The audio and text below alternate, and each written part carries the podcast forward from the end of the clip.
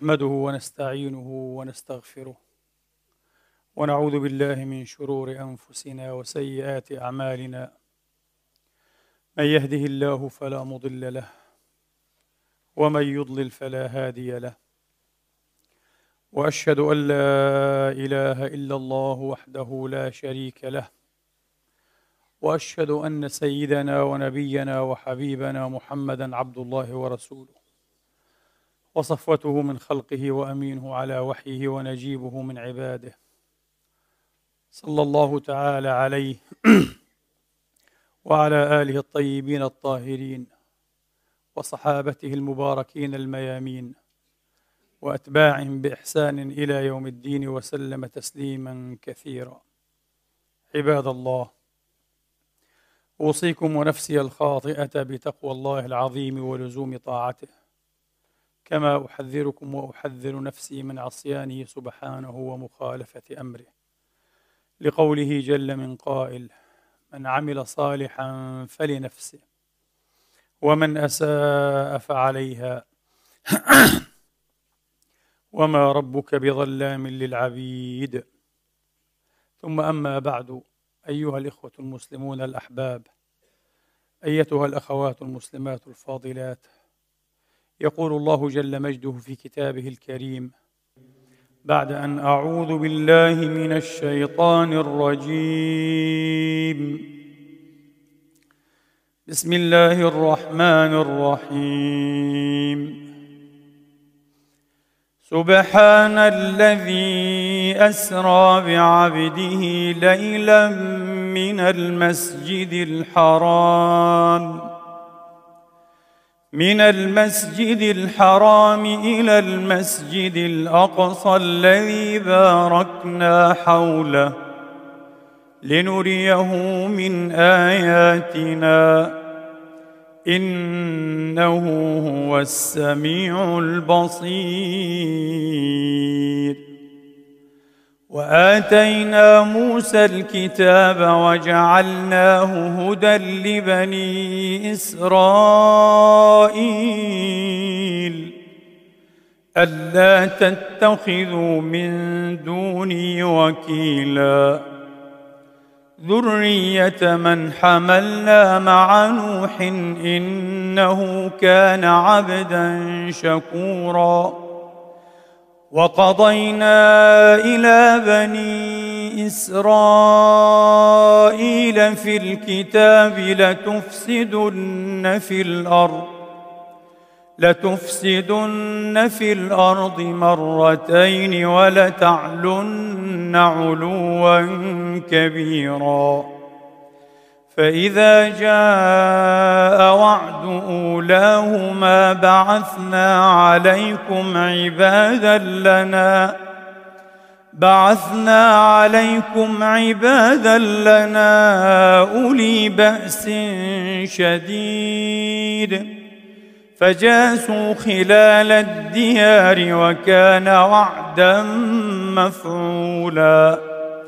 ثم رددنا لكم الكرة عليهم وأمددناكم بأموال وبنين وجعلناكم أكثر نفيرا. إن أحسنتم أحسنتم لأنفسكم وإن أسأتم فلها فإذا جاء وعد الآخرة ليسوءوا وجوهكم وليدخلوا المسجد كما دخلوه أول مرة وليتبروا ما علوا تتبيرا.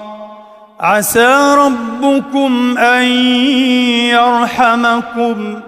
وإن عدتم عدنا وجعلنا جهنم للكافرين حصيرا. إن هذا القرآن يهدي للتي هي أقوم ويبشر المؤمنين الذين يعملون الصالحات ويبشر المؤمنين الذين يعملون الصالحات أن لهم أن لهم أجرا كبيرا وأن الذين لا يؤمنون بالآخرة أعتدنا لهم أعتدنا لهم عذابا اليما. صدق الله العظيم.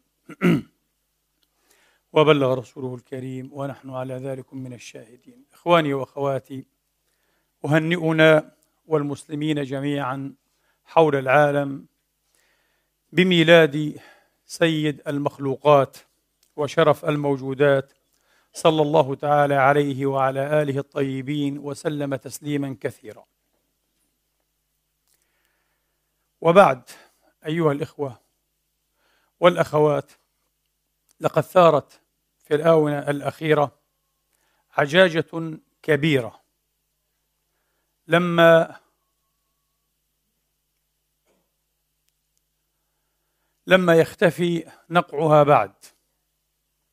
أعني تلكم التصريحات التي أدلى بها الدكتور يوسف زيدان المفكر والأديب المصري المعروف.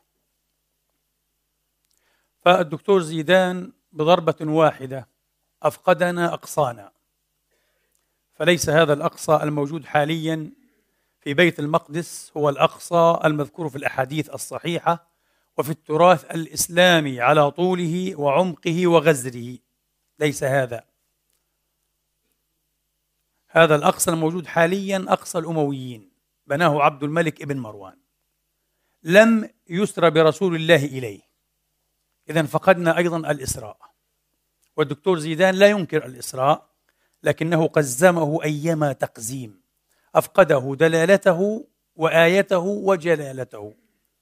سبحان الذي أسرى بعبده ليلا من المسجد الحرام بمكة شرفها الله إلى المسجد الأقصى.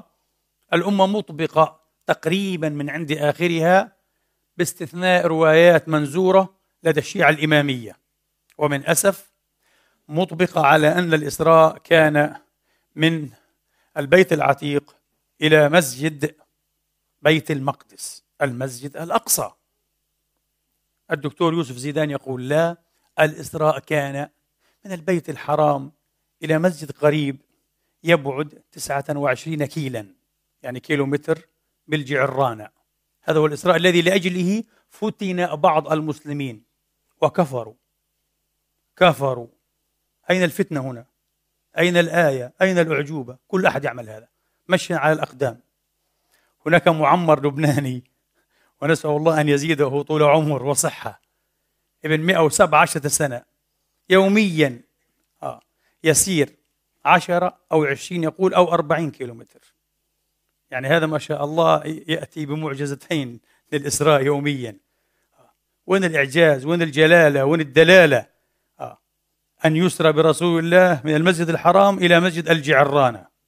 شيء عجيب. هذا الإسراء. أما المعراج فالمعراج عند الدكتور يوسف زيدان حديث خرافة. يقول أنا مش عارف من وين جايبينه. كيف ألفه المسلمون؟ كيف اخترعوه؟ المعراج هذا؟ ها؟ يعني أسطورة من أساطير المسلمين. خرافة من خرافات الأولين. خرافة من خرافات الأولين. إذا فقدنا الأقصى والإسراء والمعراج أيضا. بضربة واحدة. بضربة واحدة. الأدلة التي اتكى عليها الدكتور يوسف يمكن أن تساق أيها الإخوة في عشر دقائق. فقط في عشر دقائق. واحد اثنين ثلاثة أربعة خمسة. هذه الأدلة. عجيب جدا. هل هذه الأدلة وافية أو كافية بأي معنى من معاني الكفاء والوفاء لكي نحطم هذه الأركان العمد الثلاثة المهمة والخطيرة الشأن في مخيال المسلمين؟ وفي معتقد المسلمين وفي أدبيات وفي حياة المسلمين. وفي حياة المسلمين. طبعا أيها الإخوة لن أعرج عن الناحية السياسية. لن أعرج على التوظيف السياسي للموضوع مع أن التوظيف السياسي واضح جدا جدا. التوظيف السياسي واضح جدا جدا. لن أعرج على هذا لأنني لن آتي فيه بجديد. نريد فقط أن نناقش هذه الشبهات بمزاج علمي. بمنطق علمي محض أيها الإخوة وبهدوء إن شاء الله تعالى.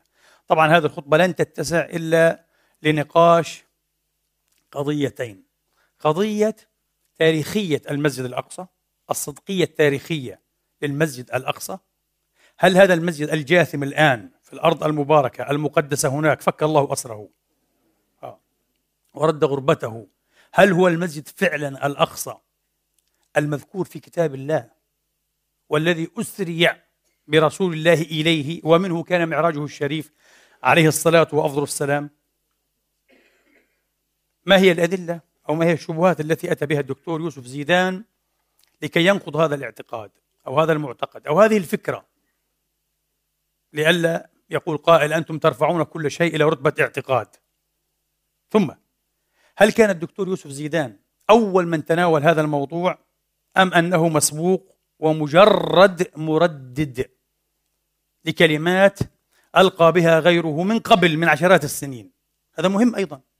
يعني هل الدكتور يوسف زيدان كان أصيلا هنا؟ في هذه المسألة على في هذه المسألة نتحدث. هل كان باحثا أصيلا؟ بحث ونقر ونقب وفتش واجتهد. وانتهى به بحثه ويا حي هلا. إلى هذه النتيجة وهذا الاستخلاص أم أنه مجرد مردد؟ لأقاويل قيلت وألقيت من قبل أيها الإخوة رددها الآن في هذا الآن بالذات وأثار بها كل هذه العجاجة وجرح مشاعر المسلمين وبالذات ربما مشاعر المتعاطفين أيها الإخوة ومعظم المسلمين على الإطلاق متعاطفون مع قضيتهم قضية القدس والمسجد الأقصى المبارك. يؤسفني ويحزنني جدا. أيها الإخوة أن المجتمع الدولي الأمم المتحدة ومجلس الأمن المجتمع الدولي يقر ومن عشرات السنين من 67 أن القدس الشريفة أرض محتلة. يقولون هذا بشكل واضح إلى اليوم ولم ينقض هذا. واتركوكم من الفعلة النكراء التي أتاها بوش الأصغر. لكن على مستوى المجتمع الدولي هذه أرض محتلة بمعنى مغتصبة. بمعنى مغتصبة. يقرون بهذا. الدكتور يوسف زيدان يريد أن يقنعنا بضربة واحدة. طبعا أنا هي حق لي وأيضا بمزاج علمي أن أقول. حري بالباحث العلمي. حري بالباحث العلمي. ألا يتورط. ألا يتورط. ألا تأخذه سكرة أيها الإخوة. سلطة المرجعية العلمية. يعني حين يصير مشهورا نوعا ما نوعا ما أو إلى حد حتى بعيد يظن نفسه أنه أصبح سلطة معرفية. فيجوز له أن يشطب على ما شاء وأن يصادق على ما شاء لأنه هو هو. أنا مشهور. أنا باحث مشهور. أنا لي اسم ترند ماركة مسجلة. خلاص. إذا يحق لي بكل بساطة وبكل هدوء دون أن يطرف لي جفن أو ينتفض لي عصب. أن أشطب على مقدسات المسلمين مثلا. ثنتين ثلاثة أربعة وهكذا. أنا أقول نصيحة للدكتور يوسف وأمثاله أيضا ولأنفسنا. هذا مجرد تدمير لما تبقى من صدقيتك. الأمة ليست قطيعا من البلهاء أو العبيد أو الأغبياء. بما أنك مشهور أو باحث إذا فلنتخلى عن مقدساتنا لنتخلى عن حقوقنا عن أرضنا المغتصبة السليبة. من أجل أن نرضي شهوة المرجعية لديك أنك مرجعية سلطة معرفية. الأمر لا يجري على هذا النحو. يحزنني جدا أيها الإخوة أيضا أن أرى باحثين أكاديميين محترمين طبعا وهم من رتبة بلا شك أعلى. وبين قوسين ومنهم يهود. ردوا هذه الفرية. ما رأيكم؟ ردوها بأسلوب علمي قوي وأدلة وكتبوا مقالات بل وكتبا في هذه المسائل وأنصفوا فيها مقدسات المسلمين وتاريخ المسلمين علم الله وأن أحكي هذا الكلام شعر بدني قف الآن ما الذي تبقى لنا إذن؟ إذا كانوا هم أكثر إنصافا لقضايانا أكثر توقيرا وتبجيلا لمقدساتنا ولحقوقنا. ما الذي يحدث لنا؟ ما الذي يا لله ويا للمسلمين ويا للحق والعدل والإنصاف؟ ما الذي نفعله بأنفسنا؟ هذه نفثة مصدور لابد أن أنفذها. وإن كان لا علاقة لها بالمزاج العلمي الذي وعدت أن أصطنعه إن شاء الله تبارك وتعالى. ولنأتي. الدكتور يوسف زيدان هدانا الله وإياه والجميع إلى سواء السبيل. يقول أولا المسجد الأقصى الذي ورد ذكره في القرآن الكريم ليس هو مسجد بيت المقدس بالقطع لماذا؟ لأنه لم يكن في ذلك الوقت ثمة مسجد هناك ما كان في مسجد أين المسجد؟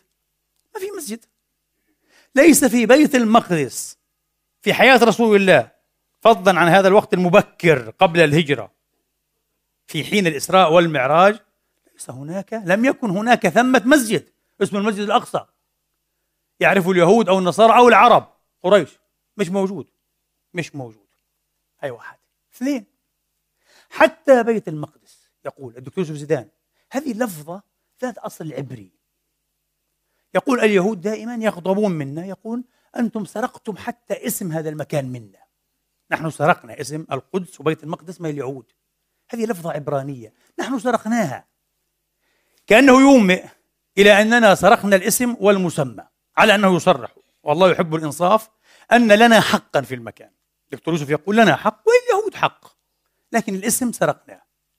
ثم في لقاء مع خير رمضان ردا على المفتي السابق الدكتور علي جمعة يتحدى يرفع لواء التحدي أن يأتي الدكتور جمعة أو غير الدكتور جمعة هو طبعا يتحدى الدكتور علي جمعة أن يأتي بنقل واحد من تراث المسلمين وتراث يقول تراث واسع عريض. يثبت يثبت وجود أو تردد لفظة القدس أو بيت المقدس في المصادر الإسلامية قبل قبل 250 للهجرة قبل عهد المأمون قبل عصر المأمون. عجيب. فعلا مش موجود؟ طبعا الدكتور يوسف زيدان هنا يتكئ على إنجازاته وله إنجازات كبيرة الرجل بلا شك. انجازاته في تحقيق التراث الإسلامي خاصة المخطوطات الصوفية وغيرها طبعا حقيقة. فهو عالم اذا بالتراث الإسلامي يقول هذا سوف نرى. موجود أو غير موجود. وإذا وجد بالعشرات ولا بالمئات لفظ بيت المقدس والقدس في المصادر قبل 250 وقبل 200 سوف نرى بعد قليل. وهذه مسألة سهلة. لا تحتاج إلى حذاقة وإلى زكانة يمكن لأي منا أن يقوم بها وخاصة الآن في العهد إيه؟ الإلكتروني بسهولة ضربة قلم مباشرة. طبعا المسألة سهلة. تحدد المصادر السابقة على 250 أو على 200 حتى هجرية. دون ذلك ما هي المصادر الموجودة؟ نحددها ثم نبدأ في البحث فيها. مباشرة سوف تفاجأ بعشرات المواضع. فيها ذكر بيت المقدس والقدس وبيت الم... عشرات المواضع. سأذكر لكم أمثلة ونموذجات منها بعيدة قليل. لكن عجيب. هذه الثقة عجيبة جدا أيها الإخوة. يتحدى قال القدس وبيت المقدس غير موجود. ثم يدخلنا الدكتور يوسف زيدان في حيرة أرادها. أراد أن يحيرنا. حين يتساءل عن معنى المسجد. ما هو المسجد أصلا؟ طبعا هو يعلم أن المسلمين كل المسلمين حتى صغار المسلمين يعلمون ما هي المساجد. وكلمة مسجد يعني اسم مكان أه أيها الأخوة من سجد. اسم موضع السجود. طبعا حقها أن تكون مسجد لأنه دائما اسم المكان من الثلاثي الذي مضارعه مفتوح العين أو مضموم العين مفعل. حقه أن تكون مسجد لكن هي مستثناة. مثل مغرب ومسجد ومظنة حقها أن تكون مظنة ومسجد ومغرب مستثناة. على غير قياس. آه. الذي يأتي مكسور العين مضارعه نعم مفعل. هذا شيء آخر. على كل حال. لا هو لا يعترف. عجيب جدا. أيضا أنا هنا أتعجب جدا من باحث أيها الإخوة يحمل درجة الدكتوراه يجادل في هذه المسائل. يرفض أيها الإخوة أن نعود إلى المعنى الدلالي السمنتيكي لللفظة ممنوع أن تعود إلى المعجم. لماذا؟ كيف الناس تتعرف على معاني الكلمات؟ دلاليا ممنوع. طب تداوليا. كيف يتم الآن اصطناع واستعمال وتداول لفظة مسجد؟ ممنوع. يعني تداوليا يمنعك ودلاليا يمنعك. إذا ماذا تريد؟ هل نخلق لك معجمية جديدة؟ نخلق معنى نؤلفه من لدن أنفسنا؟ أس... تعرفون لماذا؟ فقط لأنه تورط الدكتور يوسف زيدان فلم يميز بين الحقيقة والمجاز. يقول لو كان السجود كما تعلمون وما تقررون فكيف قال الله تبارك وتعالى والنجم والشجر يسجدان؟ ولله يسجد من في السماوات ومن في الأرض. لا يعلم أن في اللغة حقيقة ومجازا. فإذا كان السجود حقيقة في المعنى الكذائي فنسبة هذا المعنى الكذائي الذي لا يظهر في عمل أيها الإخوة النجم والشجر والجبال لا بد لا بد أن تتأدى بنا إلى استخلاص أنه إيه؟ أن المقصود سجود مجازي. سجود مجازي ومعروف طبعا مجاز اللغة وحقيقة اللغة. ماذا تريد أن تقول؟ وإلا لفظة المسجد أيها الإخوة والأخوات موجودة موجودة قبل الإسلام. معنى المسجد الذي يعبر عنه بلفظة عربية هي مسجد موجود المعنى قبل الإسلام. قال الذين غلبوا على أمرهم لنتخذن عليهم مسجدا. قصة عن أصحاب إيه؟ الكهف. قبل الإسلام وقبل محمد عليه الصلاة وأفضل السلام أليس كذلك؟ هذا مسجد. والسجود معلوم طبعا. وإسجاد إيه؟ الله الملائكة أو أمر الله عز وجل الملائكة بالسجود لآدم واستعصاء إبليس وبعدين مريم آه. قلت لربك إيه؟ واسجدي واركعي مع الراكعين اسجدي الأمر بالسجود. كثير جدا ومعلوم. تسهيلا إن شاء الله لخطوات بحث هذه المسألة. نأتي بالشبهات التي سردها الدكتور يوسف زيدان ونجيب عنها واحدة واحدة. اولا قول الدكتور زيدان حول كلمة المسجد ومفهوم المسجد أيها الإخوة. أعتقد أننا أوضحنا للتو أن هذا المفهوم أو هذا المعنى متوافر وموجود قبل الإسلام المحمدي. قبل الإسلام المحمدي. ولذلك في الحديث الذي ترويه أم المؤمنين عائشة رضي الله عنها وأرضاها ومخرج في الصحيحين عن أم سلمة حين كانت في الهجرة الأولى إلى الحبشة وكيف أنها أخبرت عن رؤياها لكنيسة هناك تسمى ماريا وهذه الكنيسة فيها صور وتماثيل فيها صور وتماثيل لأوليائهم وصلحائهم آه. المهم أخبرت عن هذا فقال عليه الصلاة وأفضل السلام أولئكم قوم كانوا إذا كان فيهم الرجل الصالح الرجل الصالح فمات بنوا على قبره مسجدا بنوا على قبره مسجدا. إذا قال الذين غلبوا على أمرهم لنتخذن عليهم مسجدا. ثم اتخذوا تلك الصور والتماثيل أولئك شرار خلق الله أو من شرار خلق الله كما قال عليه الصلاة وأفضل السلام موجود هذا المعنى موجود معنى المسجد بلا شك. هو هذا المتعبد مكان العبادة ومكان السجود اسم مكان للسجود. لكن أيضا قول الدكتور يوسف زيدان لو كان هذا موجودا فأين عمر منه؟ عمر حين فتح بيت المقدس لم يأتي إلى هذه القبلة التي استقبلها المسلمون. هذا من عندي. ستة عشر أو سبعة عشر شهرا كما في حديث البراء بن عازب في الصحيح قبل أن يحولوا إلى الكعبة المشرفة. المسلمون صلوا. طبعا أيضا بين مزدوجين. الدكتور يوسف زيدان خرق الإجماع خرق إجماع الأمة من غير ما دليل واحد. هل عنده دليل؟ ولا دليل.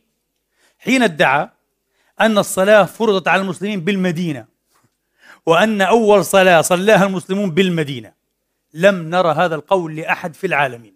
لم يقل بهذا مسلم على مدار أربعة عشر قرنا ونيف أيها الإخوة. من أين له بهذا؟ كل الأمة تعلم أن المسلمين كانوا يصلون في مكة أه؟ منذ بداية الإسلام خديجة كانت تصلي والنبي يصلي والإمام علي والصحابة الصغار والكبار يصلون أيها الإخوة الصلاة المعروفة من شريعة إبراهيم ليس إيه على نحو صلاتنا هذه بكل كيفياتها فيها منها الأركان فيها منها الأركان لكن هذه الصلاة كما نعهدها اليوم فرضت ليلة المعراج ليلة المعراج. متى كان المعراج؟ هذا في الخطبة المقبلة إن شاء الله حين يتحدث عن قضية المعراج التي أنكرها الدكتور يوسف زيدان. طب لماذا أنكر هذا؟ لا ندري. ربما ربما لأنه وجد أن الإقرار بهذه الحقيقة أعني حقيقة أن المسلمين استقبلوا القبلة الأولى وسيثور السؤال من فوره أي قبلة؟ ليست مكة قبلة بيت المقدس. ها معناها في قبلة هناك. طبعا بلا شك. هذه قبلة متعبد. إذا هي المسجد الأقصى. متعبد. هذا واضح له قدسية وله خطورة ومثابة في مخيال وفي اعتقاد المسلمين. ستة عشر أو سبعة عشر شهرا. واضح؟ وقبل ذلك أيها الإخوة كانت الصلاة أيضا إلى قبلة بيت المقدس. يعني معظم فترة الرسالة الصلاة كانت فيها إلى القبلة الأولى. ما رأيكم؟ بالحساب بالعد. إلى القبلة الأولى. لذلك هو أنكر وقال الصلاة فرضت إيه؟ في المدينة. هذا قول عجيب. لم يقم عليه ولا حتى شبهة. فضلا إيه؟ أن يقيم دليلا. فضلا أن يقيم دليلا. آه، المهم يقول أين عمر من هذا المسجد؟ إذا كان في مسجد أقصى. طبعا في خطأ فظيع يا إخواني وقع فيه الدكتور يوسف وغيره وهو الظن أو الوهم أو توهم أن المسجد لابد أن يكون ماذا؟ البناء المعهود لنا. يعني هذا البناء كما هو اليوم هذا المسجد الأقصى. غير صحيح. المسجدية لا تزول باتفاق علماء الأمة المسجدية لا تزول بزوال ماذا؟ بزوال الحيطان والسقف وكذا. أبدا أبدا. يهدم هذا كله تبقى مسجدية المكان. والفقهاء يقررون من قديم أن المسجد مسجد آه، من هذا المكان إلى السماء السابعة. كل هذا مسجد كل هذا الفضاء مسجد. وفي أحكام تترتب على هذا. للأسف رأينا بعض الناس غير الدكتور يوسف زيدان بدأوا يخبطون ويخلطون. أي أيوة والله من الملاحدة ومن الذين يشنعون ويضغنون. آه. يكنون ضغنا على الإسلام. فقالوا أصلا هذا المسجد الأقصى الذي ترونه اليوم لا علاقة له لا بنبيكم ولا حتى بعبد الملك ابن مروان الذي بنى المسجد الأقصى وبنى قبله ببضع سنين مسجد قبة الصخرة. لماذا؟ قالوا هذا المسجد الذي ترونه اليوم في بيت المقدس هذا الذي بناه صلاح الدين الأيوبي. الملك الناصر صلاح الدين الأيوبي طيب الله ثراه. وقد بناه على أنقاض كنيسة. هذه الكنيسة كان الصليبيون بعد أن احتلوا بيت المقدس بنوها على أنقاض مسجد. هو المسجد الذي بناه عبد الملك بن مروان. وهذا صحيح. هذا تاريخيا صحيح. لكن هذا كله وأمثاله عشرات المرات لا يزيل ماذا؟ مسجدية المكان. مسجدية المكان. نعود إلى قضية عمر. هذه مهمة جدا. أين عمر من المسجد الأقصى أو من هذا المسجد في بيت المقدس حين فتح بيت المقدس صلحا وسلما؟ واستلم مفاتح بيت المقدس من البطريرك. العرب يقولون البطريق. من البطريرك. صفرونيوس من البطريرك. صفرونيوس الدكتور يوسف زيدان محقق التراث لا يعلم بما ذكره كل المؤرخين. مش فقط ابن كثير والطبري كل المؤرخين المسلمين. كلهم حين أرخوا لفتح عمر في السنة في السنة السابعة عشرة للهجرة لبيت المقدس رضي الله تعالى عنه وأرضاه ذكروا أن الفاروق سأل البطريرك أين مسجد داود أين متعبد داود؟ هذه القبلة التي استقبلناها نحن ونبينا. فجاء فدله عليه طبعا أهم شيء في هذا المكان ماذا؟ الصخرة. ها؟ الصخرة. من بقايا الهيكل. من بقايا الهيكل الذي أقامه سليمان. هكذا كان يعتقد. المهم هذه الصخرة وهي التي عرج عليها الرسول وضع رجله عليه.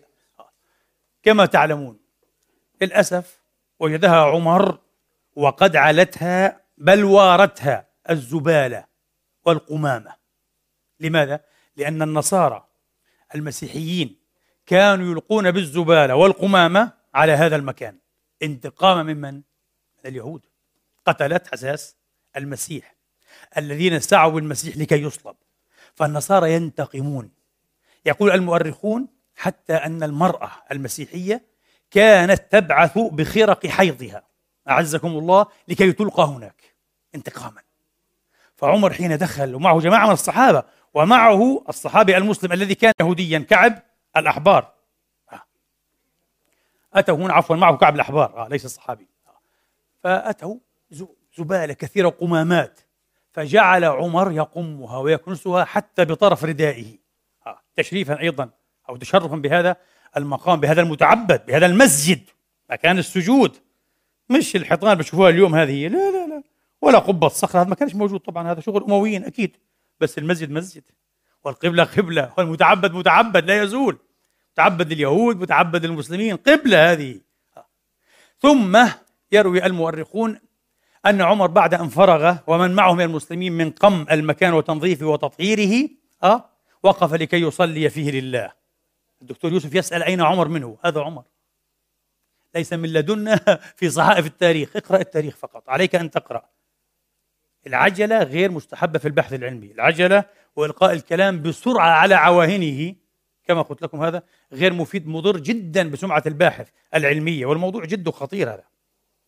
أن تفقدنا بيت مقدسنا وأقصانا وقضيتنا هكذا قضية خطيرة جدا جدا. طبعا ومن هنا ثورة علماء المسلمين جزاهم الله خيرا. العلماء والمشايخ والباحثين والمؤرخين الكل أدلى بدلو في هذه القضية. طبعا. وجلوا أي جوانب الحق فيها بفضل الله تبارك وتعالى. جزاهم الله جزاء شاكر. على كل حال أراد أن يصلي فسأل كعبا. عمر سأل كعب الأحبار أين نجعل مسجدنا؟ الآن إيه؟ سنصلي. وربما في نية عمر ربما في أن يقيم هنا أي ماذا؟ مسجدا يعني بجدران بأشياء. فقال خلف الصخرة. يعني اجعل الصخرة أمامك تستقبل بيت المقدس كله. فنظر إليه وفي رؤيا ضرب في صدره قال ضاهيت اليهودية. يعني نزع لك أي عرق من اليهودية. قال كلا بل أجعلها خلفي وأصلي إلى حيث صلى نبيي. ويتوجه إلى إيه؟ إلى الكعبة المشرفة. وهكذا كان. عودوا إلى هذا الفصل في تواريخ الإسلام. المهم جدا يا إخواني هذا كان في السنة السابعة عشرة للهجرة. المهم جدا أنه بعد هذا التاريخ بقليل يعني تقريبا بعد 33 سنة فقط. هذا تاريخ متقدم جدا. احفظوا هذا. بعد 33 سنة يعني في السنة الخمسين للهجرة. أما المكان أحد الرحالة المسيحيين الغربيين وكان من بلاد الغال التي تعرف اليوم بماذا؟ بفرنسا. كان من بلاد الغال وهو الرحالة أركولوف. يكتب طبعا بالفرنسي أركولوفوس. أركولوف. احفظوا هذا الاسم مهم جدا. ادخلوا على النت على الأرشيف وغيرها واستخرجوا رحلته مطبوعة في القرن التاسع عشر بالإنجليزية. Pilgrimage of أركولوف in the Holy Land. وبين قوسين طبعا آه يعني في سنة إيه 670 للمسيح. مهمة جدا. لماذا؟ هذا الكتيب الصغير الذي يحكي قصة حج الرحالة الفرنسي أو الغالي أركولوف مؤلف طبعا من 25 فصلا مقسم إلى ثلاثة كتيب صغير إلى ثلاثة أقسام. في القسم الأول أيها الأخوة في الفصل الأول من القسم الأول يذكر فيه مسجد المسلمين. مهم جدا انتبهوا. إذا قبل عبد الملك بن مروان. عبد الملك بن مروان متى شرع في بناء مسجد قبة الصخرة؟ وبعده ببضع سنين. ها the Dome of the Rock هذا. ها the Dome of the Rock بعد قبة الصخرة ببضع سنين بنى المسجد الأقصى الكبير هذا في الساحة كلها وكلها ساحة مسجد. هذا مسجد القبة الجميل هذا وهذا المسجد الأقصى وكله في ساحة المسجد كل هذا متعبد. كل هذا متعبد. هذا في العقد الثامن للهجرة في العقد الثامن للهجرة. يقال فرغ من بناء قبة الصخرة سنة 72 للهجرة. بدأ فيها 67 للهجرة. لا سنة 50 الرحالة أركولوف الفرنسي كان هناك. وحدثنا عن ماذا؟ هذا مهم جدا. ونهدي هذا للدكتور يوسف زيدان. أظن أنه كباحث ينبغي أن يفرح بهذا. ويعيد أيضا إيه؟ تعيير معلوماته. آه. سيفرح. معلومات مهمة جدا هذه. أثرية. آه. أركولوف أيها الإخوة يحدثنا عن متعبد ضخم وهو متعبد ماذا؟ سليمان وداود أبيه من قبل يعني. متعبد ضخم يقول قد بنى المسلمون في المكان ها إذا هذه إشارة إيش؟ إلى حدث عمر وربما ما رسم به عمر وفعله المسلمون. بنوا مسجدا على أعمدة خشبية ضخمة يقول. على أعمدة؟ هو رآه الرحالة أركولوف. على أعمدة خشبية ضخمة مسجد متواضع أه؟ يتسع يقول لثلاثة آلاف رجل في آن واحد. يعني أكبر من مسجدنا هذا ربما إيه بأربع مرات. بأربع مرات. إذا نستطيع أن نقول أول من أقام هذا العمد في هذا المكان المقدس أه، هو عمر بن الخطاب. نرجح هذا نرجح هذا. قبل عبد الملك ابن مروان وما أتى من بناء الصخرة وبناء المسجد الأقصى. واضح يا إخواني؟ هذه معلومة مهمة جدا معلومة مهمة جدا. طيب الدكتور يوسف زيدان يا إخواني يقول النبي لم يسر به إذن من المسجد الحرام إلى المسجد الأقصى المسجد الأقصى غير موجود. لا موجود. هو هذا. الاسم طيب. المسجد الأقصى. هل كان يعرفه النصارى؟ لا. هل كان اليهود يعرفونه؟ لا. هل كان العرب يعرفونه؟ يسمونه المسجد الأقصى أو حتى المسلمون الأوائل؟ لا. نحن نرجح مع العلامة الإمام المفسر الجهبذ محمد الطاهر بن عاشور أن المسجد الأقصى هذا في الأصل كان إيه؟ صفة. صفة للمسجد. صفة من القصاء أو من القصاء.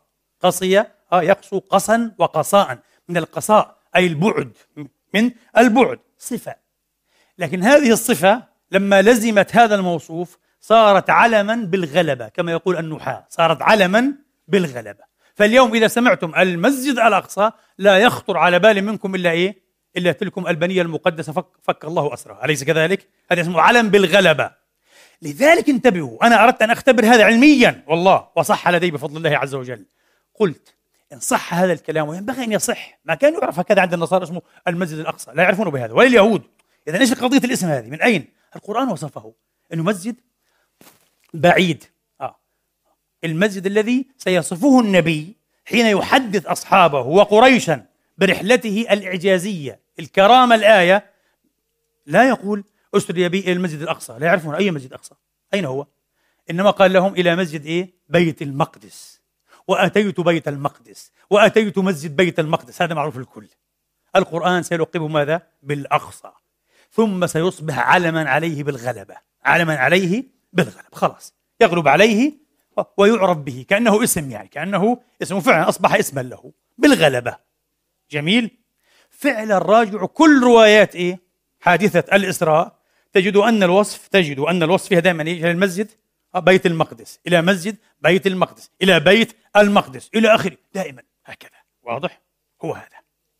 بمناسبة تحدي الدكتور يوسف زيدان أن نأتيه بلفظة القدس أو بيت المقدس في أي مصدر من مصادر المسلمين وهي كثيرة. قبل 250 للهجرة تقول له التحدي كما قلت قبيل قليل سهل جدا جدا المصادر موجودة ونأخذ مباشرة هكذا. لدينا التفسير المنسوب إلى مجاهد ابن جبر تلميذ عبد الله بن عباس رضي الله عنهما ومجاهد على ما أذكر متوفى سنة 104 للهجرة. مبكر جدا. يعني قبل قرن ونصف من تحدي إيه؟ الدكتور يوسف زيدان. ورد في تفسيره ذكر إيه؟ بيت المقدس والقدس في مواضع. وعودوا إليه. هذا سهل. اثنين نأتي إلى السيرة النبوية. تتحدث عن أشياء لها علاقة بالسيرة والسنة والمعراج أول سيرة مشهورة الآن بين أيدينا متاحة للجميع يعني. سيرة محمد بن إسحاق. أليس كذلك؟ اللي عليها بنى إيه؟ ابن هشام وهذبها واختصر منها وحذف أشياء. طبعا لم تصلنا سيرة ابن ابن إسحاق كاملة وصلنا منها مجلد واحد بتحقيق العلامة حميد الله الهندي رحمة الله عليه رحمة واسعة. على كل حال في سيرة ابن إسحاق متى توفي ابن إسحاق؟ وكان مجايلا للإمام مالك بن أنس الأصبحي وبينهم العداوة المشهورة المعروفة. سنة 151 للهجرة. يعني قبل قرن كامل لسه إيه من تحدي إيه؟ الدكتور يوسف زيدان في مواضع يذكر ابن إسحاق إيه بيت المقدس والقدس وبالذات في الإسراء. وأسر رسول الله إلى بيت المقدس وإلى مسجد بيت المقدس في مواضع ثلاثة. نأتي إلى موطأ الإمام مالك بن أنس. هذا كتاب مشهور خاصة عند السادة إيه؟ المالكية. طبعا عمدة هذا. وعند كل أهل الحديث طبعا موطأ الإمام مالك. الذي يعده بعضهم أصح حتى من صحيح البخاري. بعضهم يعده كذلك. كالإمام الدهلوي رحمة الله تعالى عليه صاحب المسوى شرح الموطأ. الإمام مالك متى توفي؟ سنة 79 و100 للهجرة. يعني قبل قريب إيه؟